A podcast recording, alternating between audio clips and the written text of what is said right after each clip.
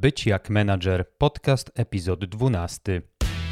W wieku 16 lat wiedziałem, że chcę robić wybitne rzeczy w gronie wybitnych specjalistów. Zostałem więc menadżerem i choć zarządzanie to niełatwy kawałek chleba, uczę, jak to robić na najwyższym poziomie. Jestem Mariusz Najwer, a to mój podcast o zarządzaniu w IT.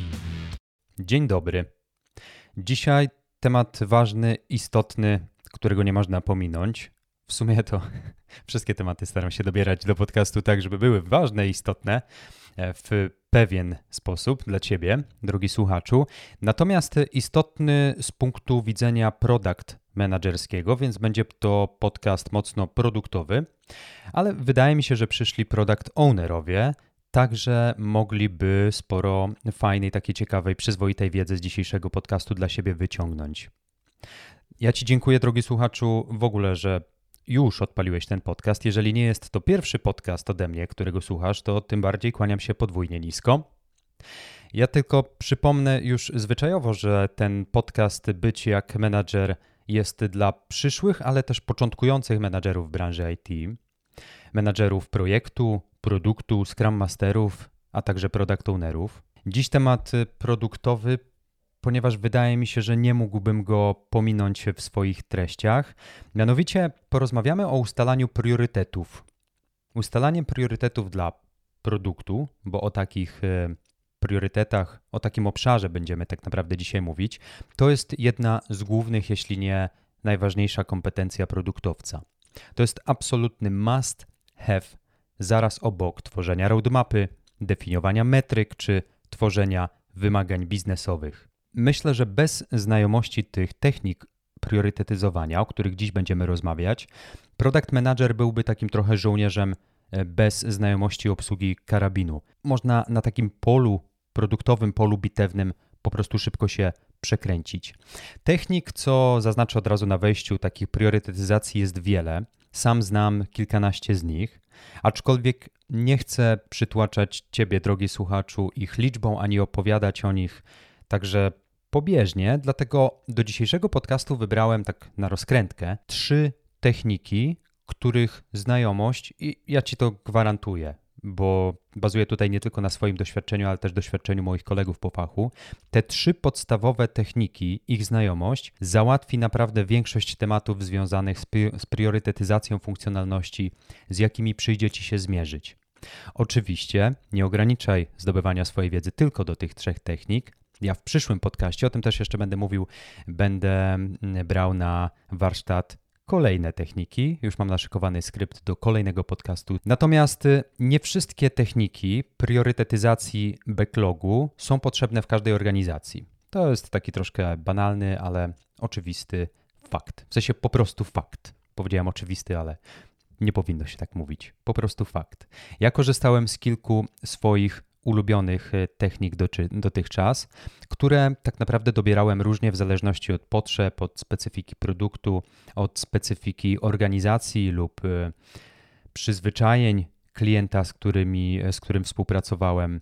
Więc dużo zależy od kontekstu. A żeby prawidłowo dobierać technikę do kontekstu, no to przede wszystkim trzeba znać te techniki. W podcaście dzisiejszym opowiem o trzech ja nazywam te techniki podstawowymi technikami priorytetyzacji backlogu i te techniki pomogą Ci ustalać priorytety dla produktu. Wyjaśnię również, jakie podjąć kroki najpierw, zanim jeszcze sięgniesz po którąś w ogóle z metod priorytetyzacji, jak się przygotować do tego. Myślę, że po przyswojeniu wiedzy z dzisiejszego podcastu będziesz mieć już takie solidne podstawy do tego, żeby ustalać priorytety dla produktu i poniekąd także dla całego zespołu deweloperskiego. Więc dziś nie owijamy w bawełnę. Stokrotne dzięki, już kończąc ten przydługawy wstęp, za każdy komentarz, który zostawisz pod dzisiejszym podcastem na mojej stronie byćjakmenadżer.pl albo w mediach społecznościowych. Ja przy okazji zachęcam do zapisania się na mój newsletter.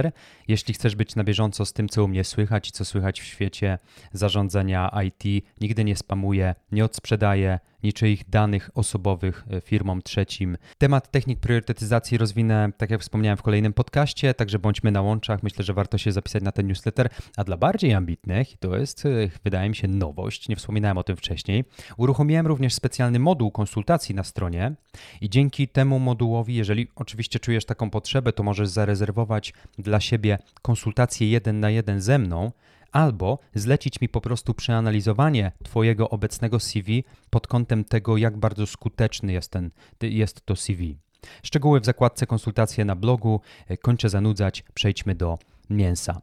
Pierwsza faza, w ogóle podejście do tego, zanim zaczniemy sięgać po którąś z technik priorytetyzacji. Otóż, zanim wybierzesz jakąś konkretną metodę, przygotuj sobie grunt. To, co ja rekomenduję, to przede wszystkim wziąć wszystkie funkcjonalności, jakie masz, jakąś taką listę funkcjonalności, które albo dostałeś od kogoś, albo przyszły, albo wypracowaliście wspólnie z zespołem, z różnymi zespołami w czasie burzy mózgu. Bierzesz wszystkie te funkcjonalności, załóżmy, że jest ich kilkanaście, może nawet kilkadziesiąt. No i teraz może się pojawić tak zwany paraliż decyzyjny. Taki paraliż decyzyjny, jak ja to nazywam, on się pojawia za każdym razem, kiedy należy wybrać funkcjonalności, nad którymi będzie pracował zespół. I warto pogrupować sobie właśnie te wszystkie funkcjonalności według pewnych tematów, pewnych obszarów, żeby tego paraliżu decyzyjnego uniknąć. O co chodzi?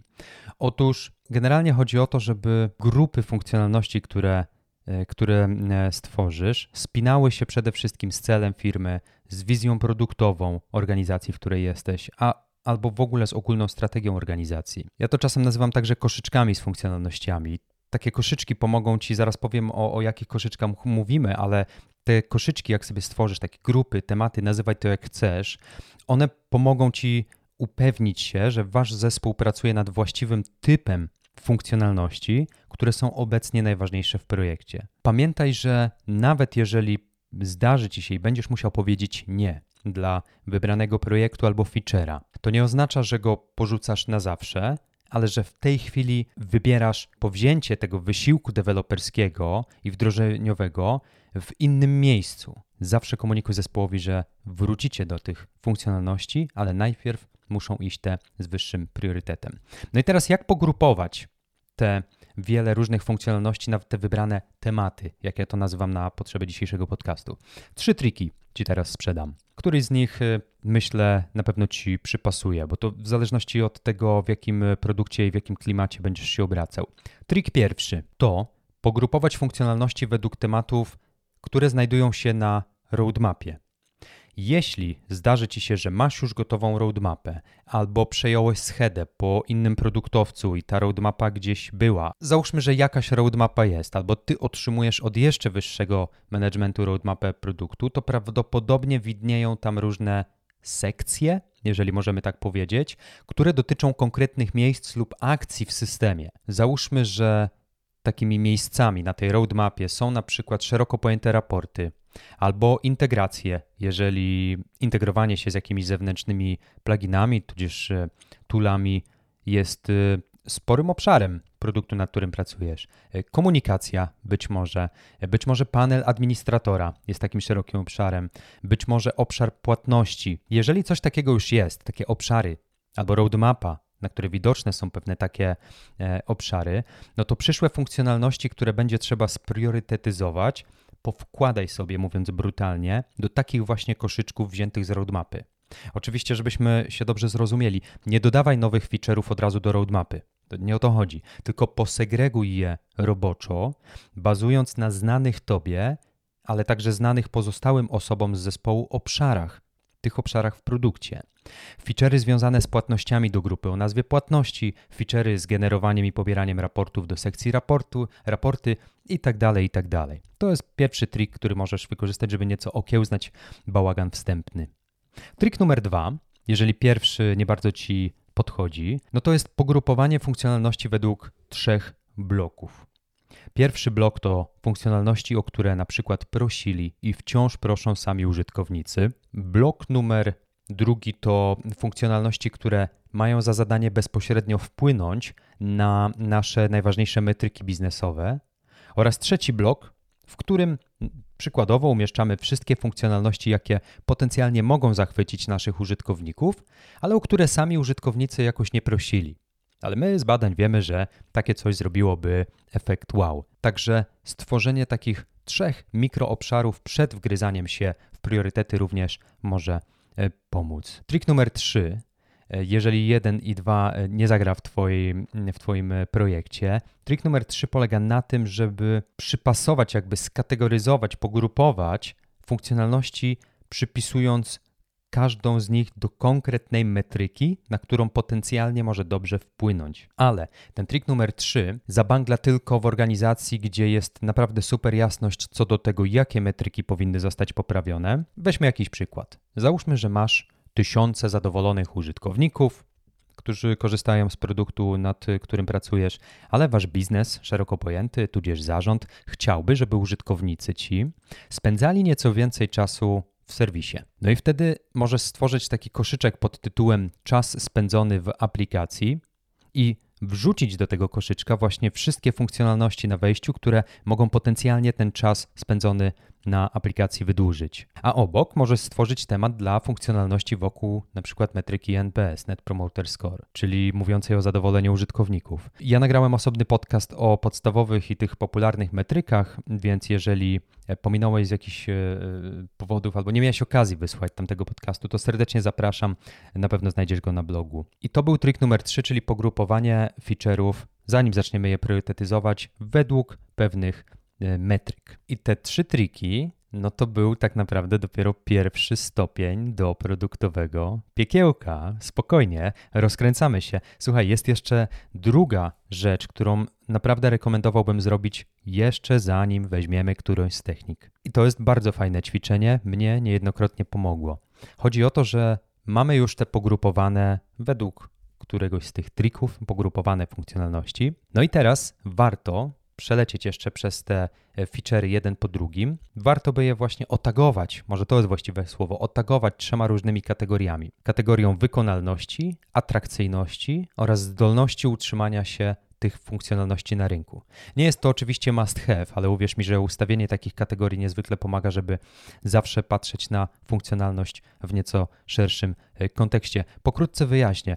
Wykonalność, o co chodzi? Chodzi o to, żeby zastanowić się, jak bardzo możliwe pod kątem technicznym jest zbudowanie takiego e, feature'a, porozmawiaj z backendem, z frontend deweloperami również, porozmawiaj z designerami, aby zrozumieć, co może zostać zrobione w kontrze do tego, co jest technicznie na przykład niemożliwe lub bardzo trudne. Nie układaj na tym etapie żadnych priorytetów, to jeszcze nie jest ten etap. To zrobisz później. Oflaguj jedynie te funkcjonalności, które mogą być technicznie trudne w implementacji. Atrakcyjność. Drugi taki tag, taka labelka, to tutaj musimy się zastanowić, czy Twoi klienci albo użytkownicy rzeczywiście tego chcą, rzeczywiście czekają na ten feature. Wykorzystaj wszystkie dostępne narzędzia, jakie masz, żeby zrozumieć, czy to jest coś, na co czekają użytkownicy. Przeanalizuj na przykład feedback, jeśli zbieracie go wśród userów. Porozmawiaj z researcherami, designerami, CX-ami, to są Customer Experience e, specjaliści, nie wiem jak to przetłumaczyć na język polski, z obsługą klienta. Możesz też sięgnąć po sprawdzony framework do odnajdywania i definiowania realnych potrzeb użytkowników, jakim jest Product Discovery. O Product Discovery będzie osobny podcast, ale już teraz zachęcam, żebyś zajrzał na wpis na moim blogu pod tym podcastem. Podlinkowałem tam film, w którym w dużym uproszczeniu wyjaśniono, czym jest Product Discovery. I trzecia ta cecha, którą warto przypisać poszczególnym funkcjonalnościom, albo otagować nią feature'y, no to jest viability ciężko przetłumaczyć jednym słowem na język polski, ale tak jak wspomniałem wcześniej, to jest pewna zdolność utrzymania się czegoś na rynku. O co chodzi? No, chodzi o to, aby odpowiedzieć sobie na pytanie, czy dany feature odpowiada na konkretne potrzeby rynkowe. Czy jest na rynku zapotrzebowanie na taki feature? Porozmawiaj z wyższym managementem albo z researcherami, jak dana funkcjonalność działa albo będzie działać w większym ekosystemie. A może już jest na rynku podobna funkcjonalność? Jeśli trzeba, to zachęcam też, żeby zrobić samemu dodatkową analizę rynku i oflagować na tym etapie właśnie te funkcjonalności, które realnie zaspokajają potrzebę rynkową albo po prostu wypełniają pewną większą lukę na rynku. No i dobra, doszliśmy do momentu, gdzie mamy według jednego z trzech trików pogrupowane funkcjonalności. Dodatkowo sobie je otagowaliśmy według wykonalności, atrakcyjności i tego, czy się utrzymają na rynku. No i kiedy już to wszystko mamy, to tym samym ogarnęliśmy pierwszy krok do tego, żeby zacząć ustalać priorytety. To, o czym mówiliśmy dotychczas, to mówiąc językiem skoków narciarskich, dopiero wyjście z progu. Cała zabawa zaczyna się teraz. Opowiem Ci teraz o trzech technikach priorytetyzacji. Tych technik jest oczywiście więcej. Zapewniam Cię, że te trzy na razie w zupełności wystarczą, żeby w miarę efektywnie, chociaż nie na najwyższym poziomie, ale w miarę efektywnie w wielu firmach technologicznych na świecie te priorytety e, ustalać, jakoś nimi zarządzać i kierować. Oczywiście warto znać więcej niż tylko dwie, trzy techniki, ponieważ nigdy nie wiesz, która z nich najbardziej ci się przyda. Zresztą, jak głoszą stare prawdy, no lepiej mieć więcej truskawek w koszyku niż mniej. Albo lepsze uzębienie to te bogatsze w zęby niż ich brak. No, to taka jakby logiczny argument, który ciężko podważyć. Lepszy product manager to ten bogatszy w wiedzę niż jej brak. Otrzymałem ostatnio od jednego ze słuchaczy kilka bardzo konstruktywnych uwag, żeby próbować podawać więcej przykładów i sytuacji z życia, gdzie mogą mieć zastosowanie te rzeczy, o których mówię w podcastach. Spróbuję tam, gdzie mogę, mm, łapać się jakiegoś konkretnego przykładu, nawet wymyślonego, żeby bazować na e, fajnych, e, konkretnych przypadkach użycia. Pierwsza technika priorytetyzacji value versus effort, wartość kontra wysiłek. To jest bardzo zwinna priorytetyzacja. Niektórzy o tym mówią lean prioritization. I ta technika jest chyba najprostszą z technik priorytetyzacji, ponieważ ona bazuje na tak zwanej macierzy Eisenhowera. Najszybszy i najłatwiejszy sposób, żeby zrozumieć tę technikę, wartość kontra wysiłek, to jest zwizualizować ją sobie na bardzo prostej właśnie macierzy Eisenhowera, macierzy 2 na 2. Ja wiem, że mój opis słowny może nie być dla wszystkich wystarczający dla zrozumienia tej techniki, dlatego zachęcam Ciebie do wejścia na stronę byciakmanager.pl, gdzie pod tym postem o technikach dodałem też przykładowe obrazki właśnie tych, tych metod priorytetyzacji. I teraz, żebyśmy bazowali na jakimś namacalnym przykładzie, to wyobraź sobie, że jesteś PM-em od aplikacji do zamawiania jedzenia na dowóz. Aplikacja działa na rynku od kilku lat, ma się dobrze, zarabia na siebie i o dziwo, co się rzadko zdarza w świecie IT, nie ma też jakiegoś większego długu technicznego. Poza tym notuje bardzo dobre opinie od użytkowników. Ogólnie jest w porządku. I Twój zespół oraz obsługa klienta regularnie zbiera też feedback od użytkowników. Przekazuje ten feedback m.in. Tobie jako PM-owi na różnych dedykowanych do tego spotkaniach. Ale od pewnego czasu użytkownicy dość intensywnie proszą o to, żeby wprowadzić nowe funkcjonalności, a dokładniej cztery potencjalne usprawnienia aplikacji, których ich zdaniem rzekomo brakuje. Funkcjonalność numer jeden. To ma być taka możliwość zamawiania posiłków z wyprzedzeniem na określoną godzinę. Na przykład chcę zamówić dwa posiłki na wieczór na ustaloną wcześniej porę. Pierwsza funkcjonalność, o którą proszą użytkownicy. Druga funkcjonalność, o której czytasz w feedbacku od użytkowników, to możliwość zostawiania napiwków dostawcom. Na przykład, jeśli jedzonko przyjdzie super szybko, i jeszcze jest bardzo ciepłe, wręcz gorące, no to ja jako użytkownik chciałbym zostawić tak, takiemu dostawcy tip, stipować go, czyli zostawić mu napiwek. To jest druga funkcjonalność.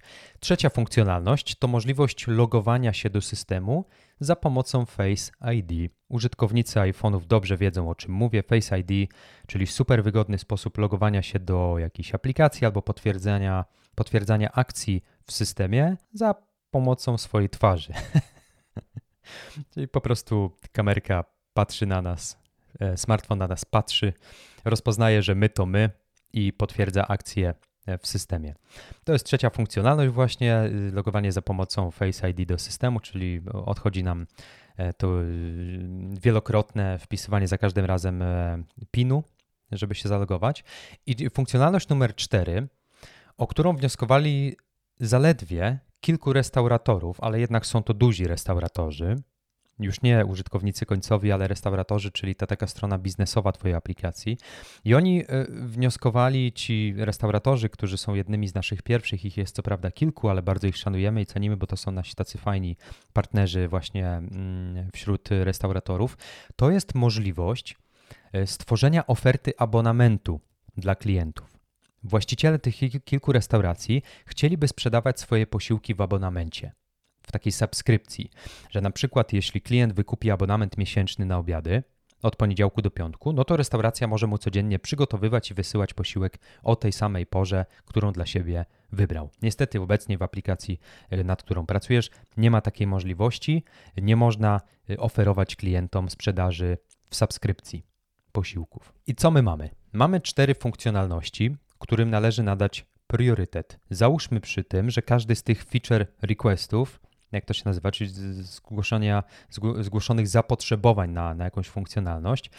Załóżmy, że został już zwalidowany, przemyślany i masz naprawdę potwierdzenie w danych oraz analizie, że te usprawnienia rzeczywiście mają sens. Przyjmijmy taki kontekst, ale trzeba to ułożyć w jakąś sensowną kolejność. No i co za tym zrobić? Jeśli musisz w miarę szybko, ale także niewielkim nakładem pracy nadać priorytety tym funkcjonalnością, zanim je umieścić na roadmapie produktu, no to tutaj wracamy do naszej techniki value versus effort, wartość kontra wysiłek. Tak jak wspomniałem, technika opiera się na prostej macierzy Eisenhowera 2 na 2 Bierzemy więc kartkę i długopis albo korzystamy z, z fizycznej czy tam wirtualnej tablicy. Rysujemy dwie osie, poziomą i pionową. Pozioma oś czasu określa nam tzw. Tak effort, czyli wysiłek potrzebny do wdrożenia danej funkcjonalności. Im dalej na osi poziomej w prawo, tym oczywiście większy wysiłek zespołu jest potrzebny do wdrożenia feature'a. Oś pionowa z kolei określa tak zwane value, czyli potencjalną wartość, jaką niesie ze sobą dany feature.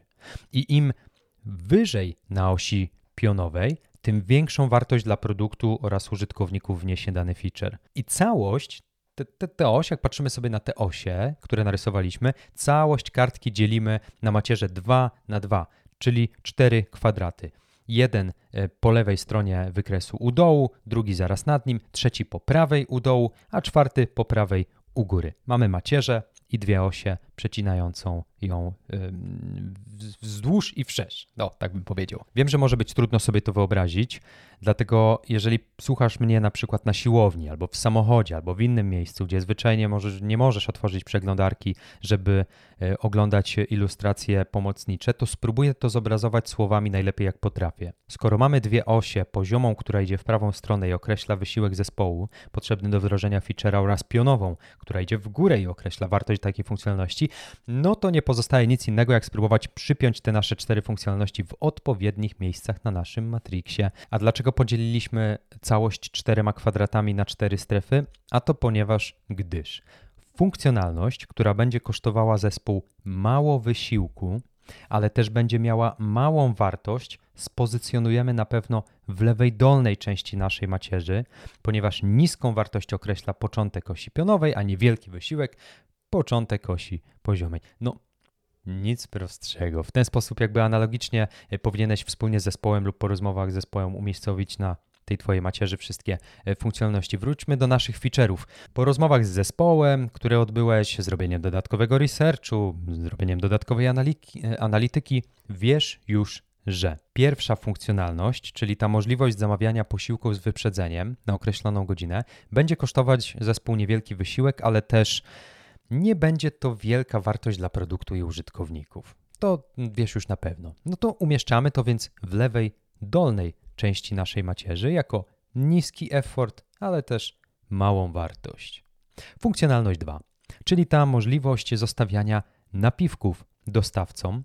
No tutaj zespół deweloperski z pewnością powiedział, że to będzie nieco większy wysiłek związany z implementacją takiego rozwiązania ale też dużo większa wartość dla użytkowników, bo bardzo wielu o nią prosiło. I dlatego ten feature wyląduje w prawym górnym rogu jako wartościowy, ale jednak skomplikowany pod y, kątem technicznym. Trzecia funkcjonalność możliwość logowania się do systemu za pomocą twarzy, czyli Face ID, głównie dla użytkowników iPhone'ów. Po konsultacjach z zespołem projektowym i analizie feedbacku od użytkowników wyciągasz prosty wniosek. To usprawnienie jest super pożądane przez userów, a przy tym, co wiesz od zespołu technicznego, nie będzie wymagało wielu prac po stronie developmentu oraz innych zespołów, żeby to wdrożyć. Czyli Koniec końców logowanie za pomocą Face ID trafia więc w lewy górny e, róg e, naszego Matrixa jako niski wysiłek, a potencjalnie duża wartość. Czwarta funkcjonalność, o którą wnioskowało kilku restauratorów, pamiętamy ją, czyli ta możliwość stworzenia oferty abonamentu dla klientów, żeby sprzedawać obiady w formie na przykład miesięcznej subskrypcji. Tutaj jest dość spory potencjał takiej funkcjonalności, ponieważ z pomocą, e, za pomocą subskrypcji można by jeszcze lepiej monetyzować każdego użytkownika, a nawet zmniejszyć tak zwany czyli odpływ użytkowników. Jak wezmą subskrypcję, to wiadomo, co najmniej na miesiąc są z nami związani. Niestety, wiemy już, że zaledwie kilka restauracji wyraziło chęć korzystania z takiej funkcjonalności, ponieważ większość restauracji po prostu nie ma abonamentów w swojej ofercie, w swoim modelu biznesowym.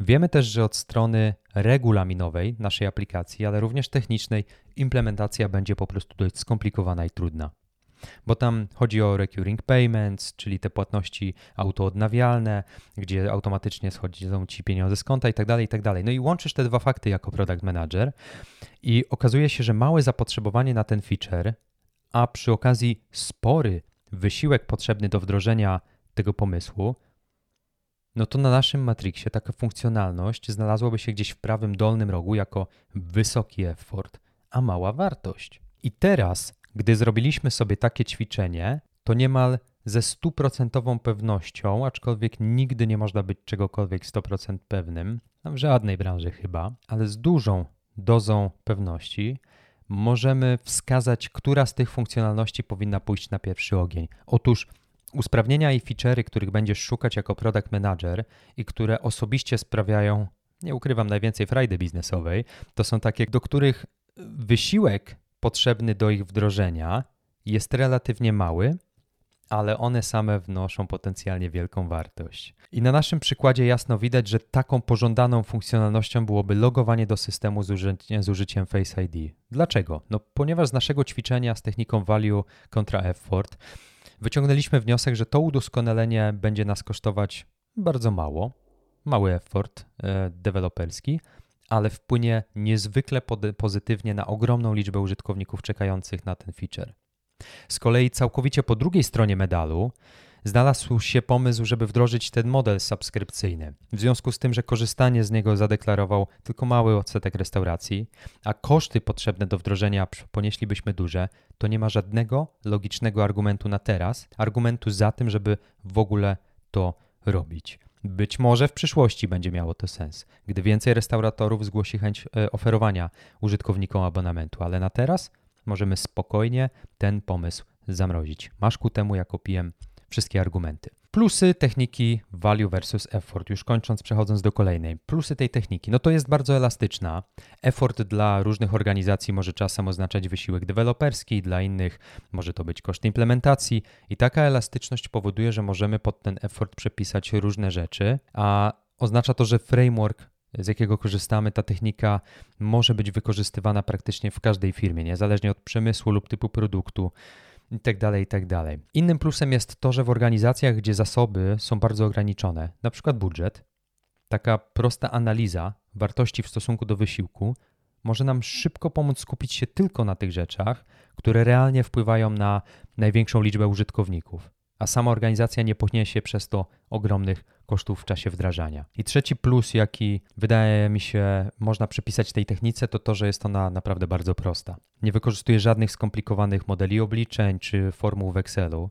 Ja też nie jestem specem ani ekspertem y, od Excelozy i też nie jestem fanem Excelozy. Dzięki tej prostocie łatwo w tę technikę wdrożyć stakeholderów i osoby trzecie. I jest też bardzo łatwa i przyjemna w komunikacji z biznesem lub inżynierami. Jakie są minusy? No, kilka wydaje mi się mógłbym wskazać. Pierwszy minus to to, że w sumie jak we wszystkich ćwiczeniach dotyczących priorytetyzacji, to jest trochę gra w estymację i zgadywanie. Jako, że operujemy na wysokim poziomie ogółu, to zostaje przez to sporo przestrzeni do tego, żeby nie doestymować albo przeestymować omawiane funkcjonalności. Ostateczna wycena może być na przykład niewystarczająca przy tej technice.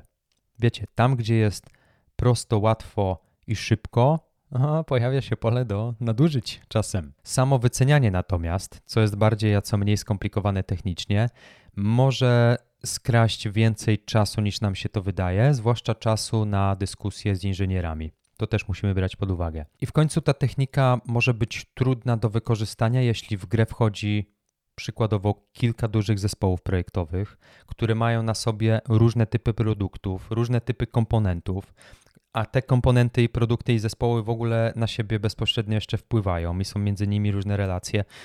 No, przy takim poziomie skomplikowania organizacyjno-produktowym taka prosta technika priorytetyzacji nie zawsze może wystarczyć. Technika priorytetyzacji numer dwa z tych podstawowych, które dziś dla Ciebie przygotowałem. Moscow, tak jak z języka angielskiego Moscow, M-O-S-C-O-W. Po angielsku powiedzielibyśmy Moskwa, ale uwierz mi, co od razu dodam, nie ma to nic wspólnego z miastem Moskwa. Absolutnie nic. To wynika ze skrótu. Sama nazwa właśnie tej techniki wiele wyjaśnia, ponieważ jak rozwiniemy ten tajemniczy skrót, no to od razu dowiemy się, na jakie cztery konkretne obszary będziemy rozdzielać funkcjonalności. Jako, że Moskow pisane jest wielkimi i małymi literami, a wielkie są tylko cztery M, S, C, W. I to są bezpośrednio skróty od M jako must have. Tutaj mamy obszar must have. Załóżmy, że tworzymy taki koszyczek, taki bucket i do tego must have'a, do tych must have'ów wrzucamy tylko funkcjonalności, które muszą znaleźć się na roadmapie. Dlaczego muszą? No ponieważ wiemy, że bez nich produkt po prostu nie zadziała, bo nie będzie funkcjonalny. I to są funkcjonalności niezbędne, czyli takie, dla których być albo nie być się nie negocjuje. A przynajmniej w teorii tylko takie powinny trafić do tej grupy. Jeśli któraś z tych funkcjonalności nie zostanie wdrożona, to produkt lub jego nowa, nadchodząca wersja nie może zostać wydana na rynek. To są rzeczy, które definiują funkcjonalności, jakie mają trafić do must have. Absolutnie niezbędne. Na przykład użytkownicy muszą, ale muszą, nie mogą czy chcieliby. Użytkownicy muszą zalogować się na swoje konta. Załóżmy, że jest to jakaś aplikacja bankowa. Nie? No to, żeby z niej korzystać, użytkownicy muszą zalogować się na swoje konta. Więc funkcjonalność, która odpowiada, funkcjonalność, która mówi, ja jako użytkownik chcę się zalogować na swoje konto, albo użytkownik po prostu jest nazwana po imieniu logowanie do systemu, musi się pojawić na roadmapie, bo bez niej produkt po prostu nie zadziała. I drugim koszyczkiem, jako że to jest Moscow, no kolejna litera wielka to jest S, to jest should have, czyli powinny. Do have'ów troszkę spolszczam, ale e, to jest zawsze taki e, obszar triki, e, powiedziałbym, zdradliwy, jeśli opowiada się w języku polskim o różnych definicjach, frameworkach angielskich, bo nie wszystko jest łatwo przetłumaczalne. Natomiast should have, do should have, do tej grupy powinny trafić wymagania biznesowe i feature'y, które są co prawda super ważne dla organizacji albo produktu, ale na które nie ma narzuconego ograniczenia czasowego na przykład, nie? I, i, I które nie są niezbędne, o tak bym powiedział. Oznacza to przede wszystkim takie funkcjonalności, które w produkcie muszą się znaleźć prędzej czy później, ale niekoniecznie muszą się znaleźć już od samego początku. Mogą być na przykład przeparkowane do dowiezienia w kolejnej wersji oprogramowania. I przykład. Użytkownicy powinni mieć możliwość resetowania swoich haseł. Resetowaliśmy chyba wszyscy e, kiedyś, co najmniej raz w życiu, jakieś hasło do, do aplikacji tudzież strony. Bez resetowania tego hasła też byśmy przeżyli, ale jednak i produkt też by działał, ale jednak no, jest to coś, co powinno się znaleźć w wielu e, aplikacjach. Kolejną trzecią grupą to są tak zwane could have, funkcjonalności z podszyldu could have, czyli C jest pierwszą literą. I to są funkcjonalności, które nie są ani niezbędne, ani nawet wystarczająco ważne, żeby dowieść je w konkretnym czasie. Wiemy, że na pewno zwiększą satysfakcję użytkowników, że wpłyną mega pozytywnie na jakość produktu, to wiemy na pewno. Ale wiemy również, że jeśli ich nie wdrożymy teraz, ani nawet troszkę później, to tak naprawdę świat się nie zawali. Jaki przykład moglibyśmy tutaj podać? Niech będzie następujący. Użytkownicy mogliby zapisać postępy swojej pracy bezpośrednio w chmurze z poziomu swojej aplikacji. Powtórzę, użytkownicy mogliby zapisywać postęp swojej pracy bezpośrednio w chmurze, w jakimś cloudzie z poziomu swojej aplikacji. No, zakładamy, że dotychczas e, użytkownicy zapisują wszystkie swoje postępy bezpośrednio na urządzeniu w aplikacji, a tutaj mogliby w chmurze zapisywać. I niezależnie z jakiego urządzenia by się logowali, to zawsze te postępy swojej pracy mieliby zapisane, mogliby sobie je pobrać właśnie z chmury. Funkcjonalność niekoniecznie do dowiezienia na szybko, na pewno nie niezbędna, bez niej produkt przeżyje, ale taki could have. Mogliby użytkownicy rzeczywiście coś takiego robić. I czwarta, ostatnia grupa w tej um, technice priorytetyzacji to są won't have. won't have z literką W z angielskiego won't have. I tutaj lądują te najmniej krytyczne wymagania i taski. Zwłaszcza takie, które mogą być najwyżej takimi nice to have.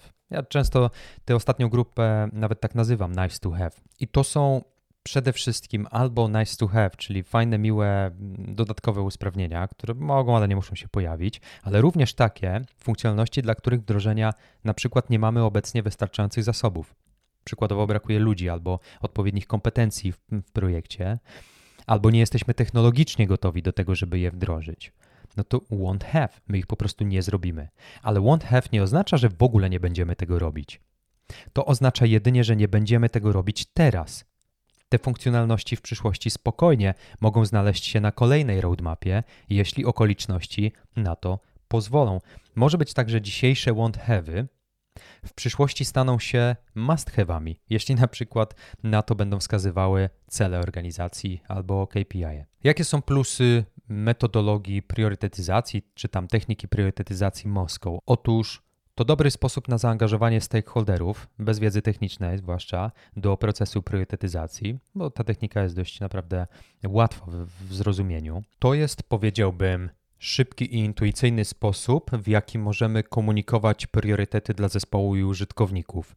Ja bardzo często korzystam z Moską, bo mi łatwiej pokazać zespołowi, co jest super ważne, co jest mniej ważne, co jest najmniej ważne, a co w ogóle nie będzie na naszej tapecie w najbliższym czasie. I ta technika pozwala też pomyśleć zawczasu o ewentualnym alokowaniu różnych zasobów i szukaniu specjalistów do projektu, kiedy już sklasyfikujemy feature'y do każdej z tych grup. Ale są Dwa takie minusy ja bym wskazał tej techniki priorytetyzacji.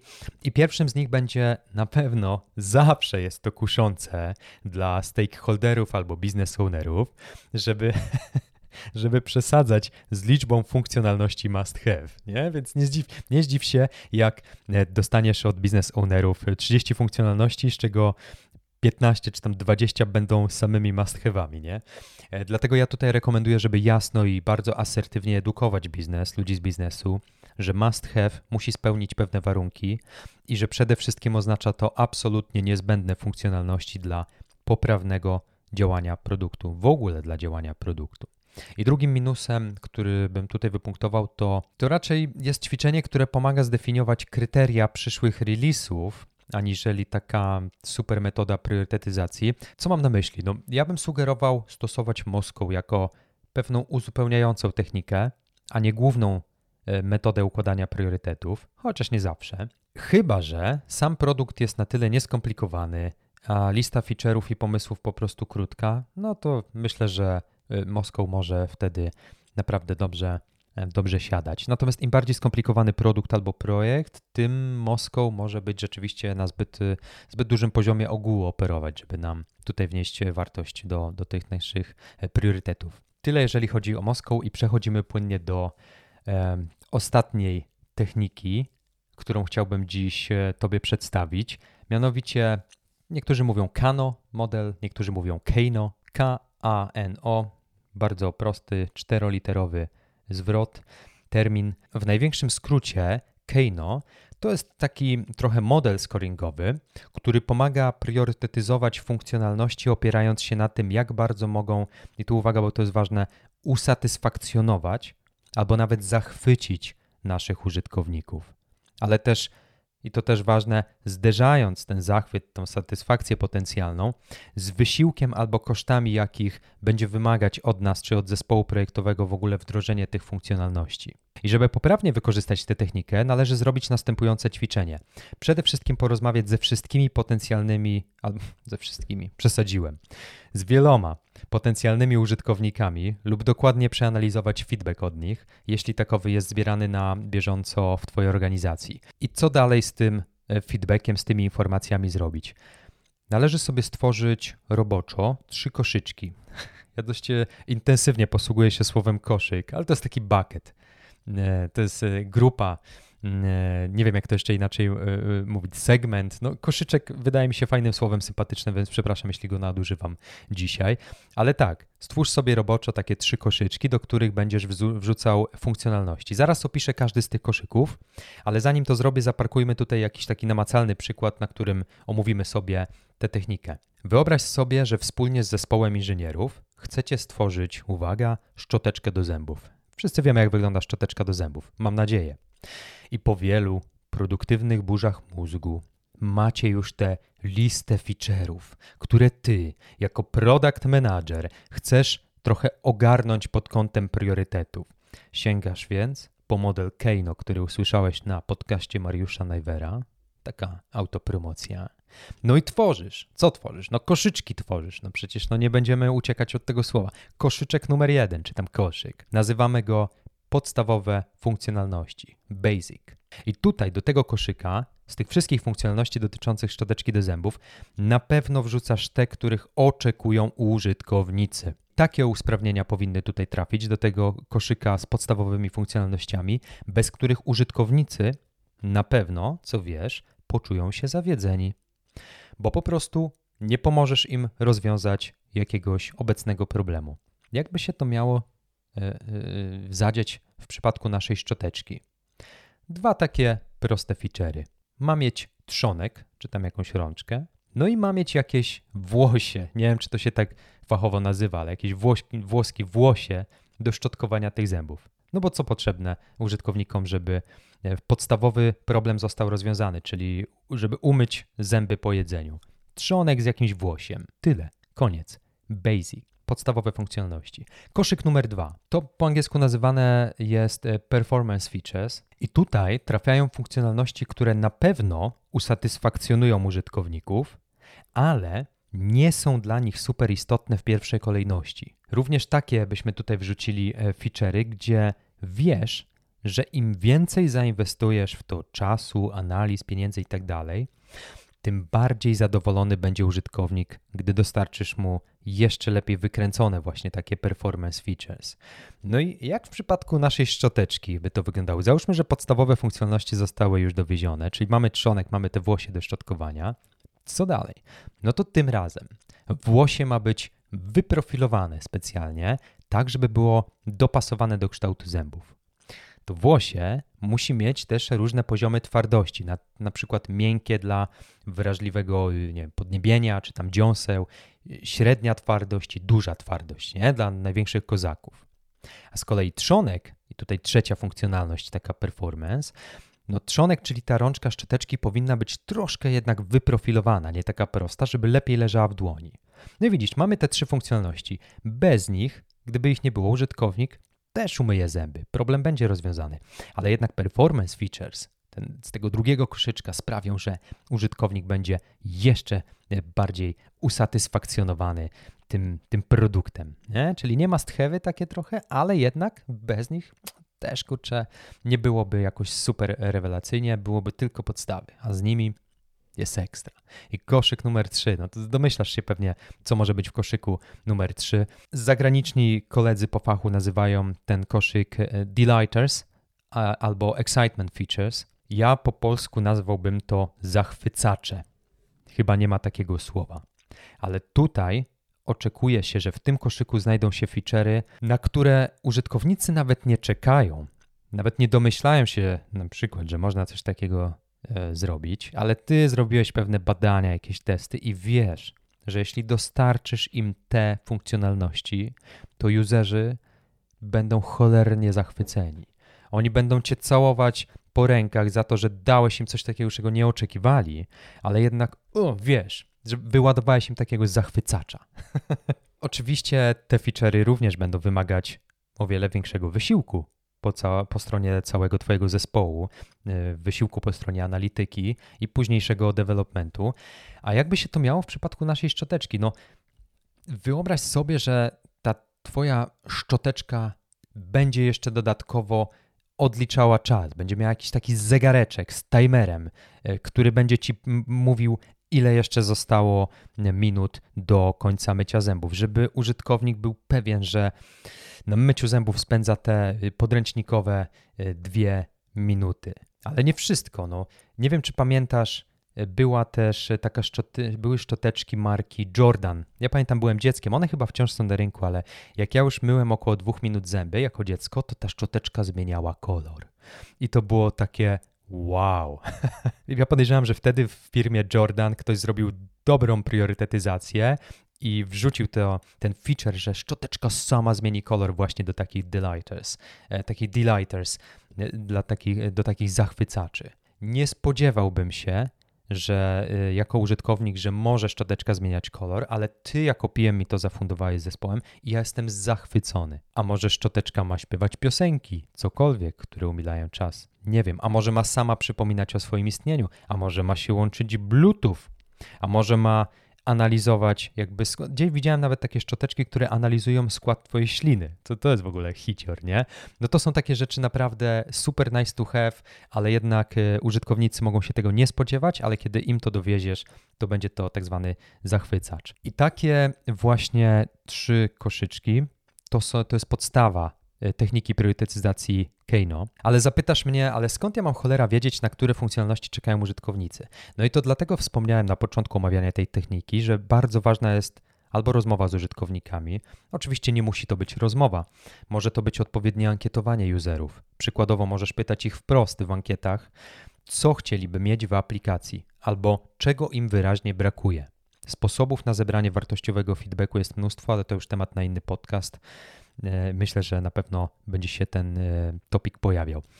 Model Keino można też przedstawić obrazowo, także wykorzystując dwie osie, poziomą i pionową. Na osi poziomej e, pozycjonujesz wtedy funkcjonalności według wysiłku, czyli czasu i kosztów, jakie musisz poświęcić na wprowadzenie nowej funkcjonalności. Im dalej w prawo, tym więcej wysiłku zespół musi włożyć w implementację i badania a na osi pionowej feature'y układasz według e, satysfakcji użytkowników. W skrócie, im więcej frajdy z takiego e, feature'a, nawet zachwytu po stronie użytkowników, no to wybrana funkcjonalność jest windowana automatycznie wyżej na osi pionowej. Tyle w teorii. Jakie są plusy tego modelu Keino?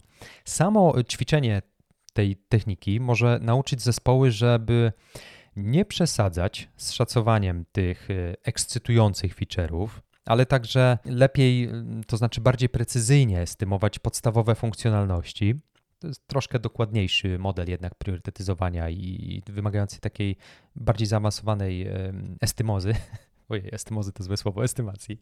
E, to jest w sumie dobra metoda priorytetyzacji, jeśli mamy ograniczone zasoby. Na przykład y, mamy mało osób, mało specjalistów, albo mamy mało czasu lub mały budżet, no to tutaj musimy być bardzo ostrożni w doborze feature'ów. Ta technika może się okazać naprawdę pomocna. I ta technika może także pomóc w podejmowaniu lepszych decyzji produktowych oraz takim lepszym prognozowaniu, w lepszym prognozowaniu potrzeb rynkowych. Dlaczego? No bo bazujemy, tu jest duży nacisk na to, żeby bazować właśnie na oczekiwaniach użytkowników.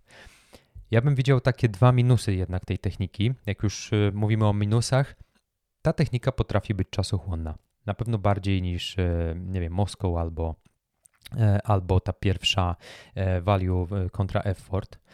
Ponieważ, żeby naprawdę poznać oczekiwania userów, no to musimy spędzić trochę czasu nad tym, przeprowadzić odpowiednią ilość ankiet, żeby uzyskać Mm, nie odpowiedzi od wszystkich, ale chociaż uzyskać odpowiedzi od reprezentatywnej grupy osób, które dadzą nam, nam analitykom, PM-om reprezentatywną próbę e, właśnie mm, e, tych, e, tych, tych sugestii.